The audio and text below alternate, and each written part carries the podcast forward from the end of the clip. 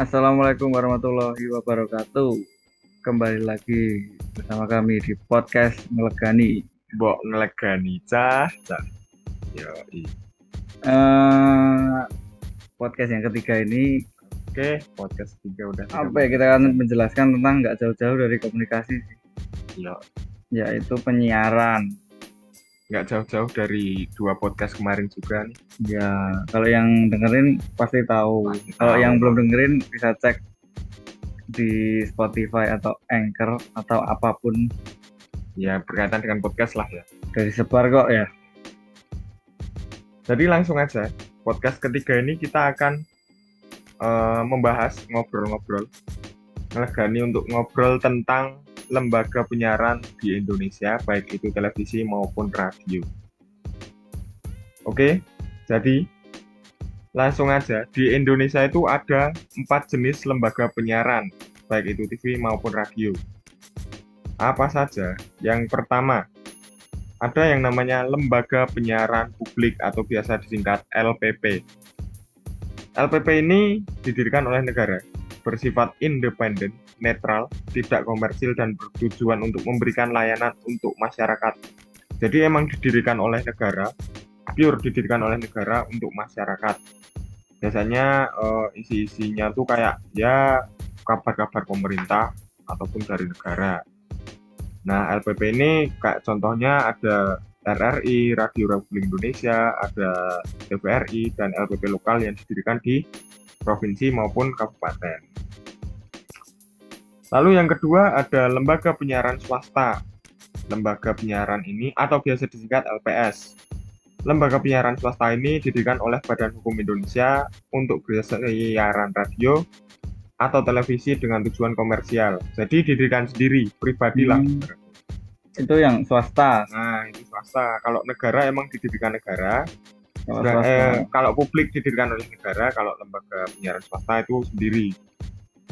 Eh, jadi LPS ini banyak contohnya kayak eh, ya TV-TV swasta ada nggak boleh sebut merek lah ya, kayak Net TV, SCTV dan sebagainya. Prambos kalau radio. Terus ketiga ada lembaga penyiaran berlangganan LPB. Ini bias, eh, penyiaran ini didirikan oleh Badan Hukum Indonesia untuk menyenggar- menyelenggarakan jasa penyiaran berlangganan dengan tujuan komersil. Seperti salah satu contohnya adalah ketika kalian para penonton bola, Hmm, iya tuh yang sukanya nonton film, enggak, sukanya nonton di web, wah, iya. enggak kuat bayar mola. oh iya.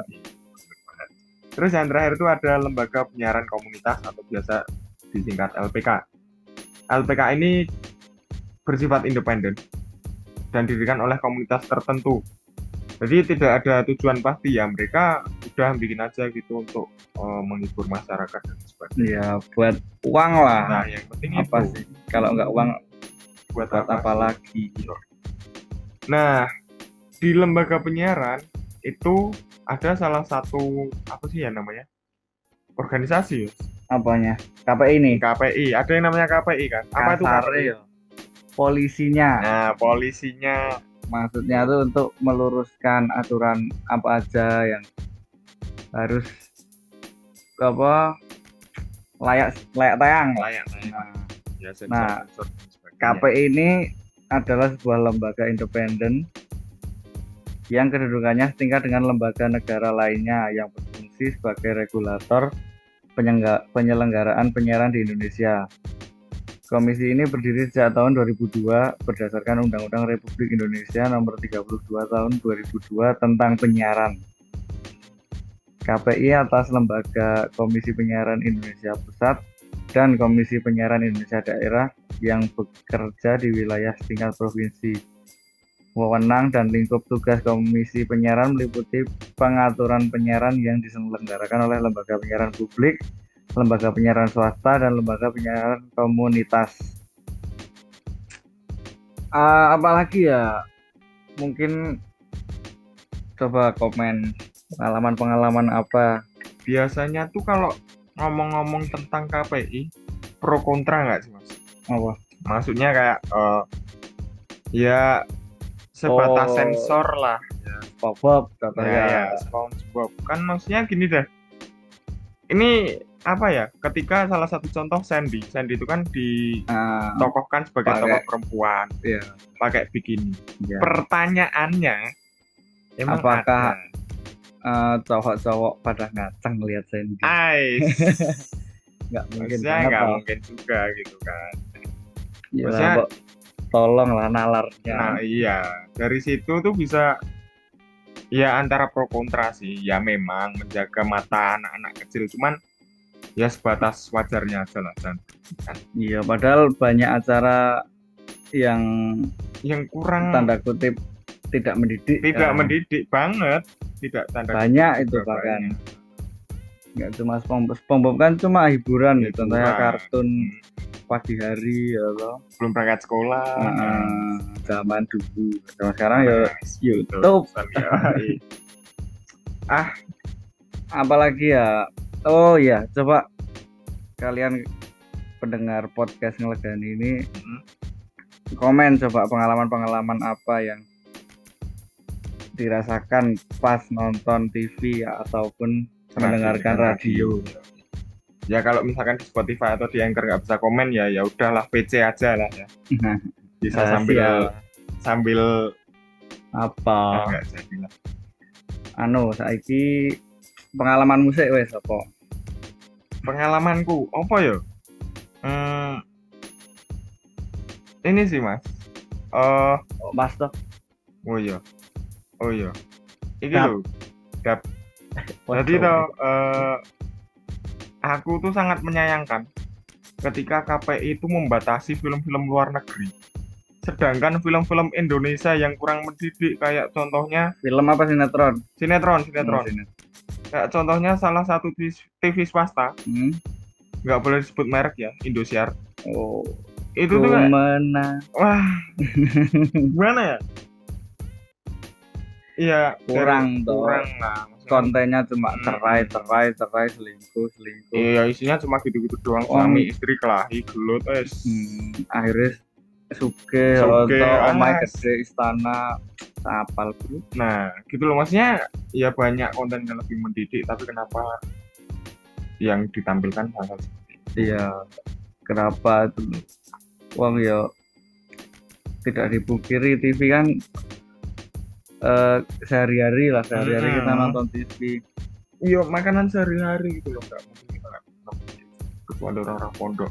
hmm, orang pondok mainnya musik box Asik banget ya, iya, MP player.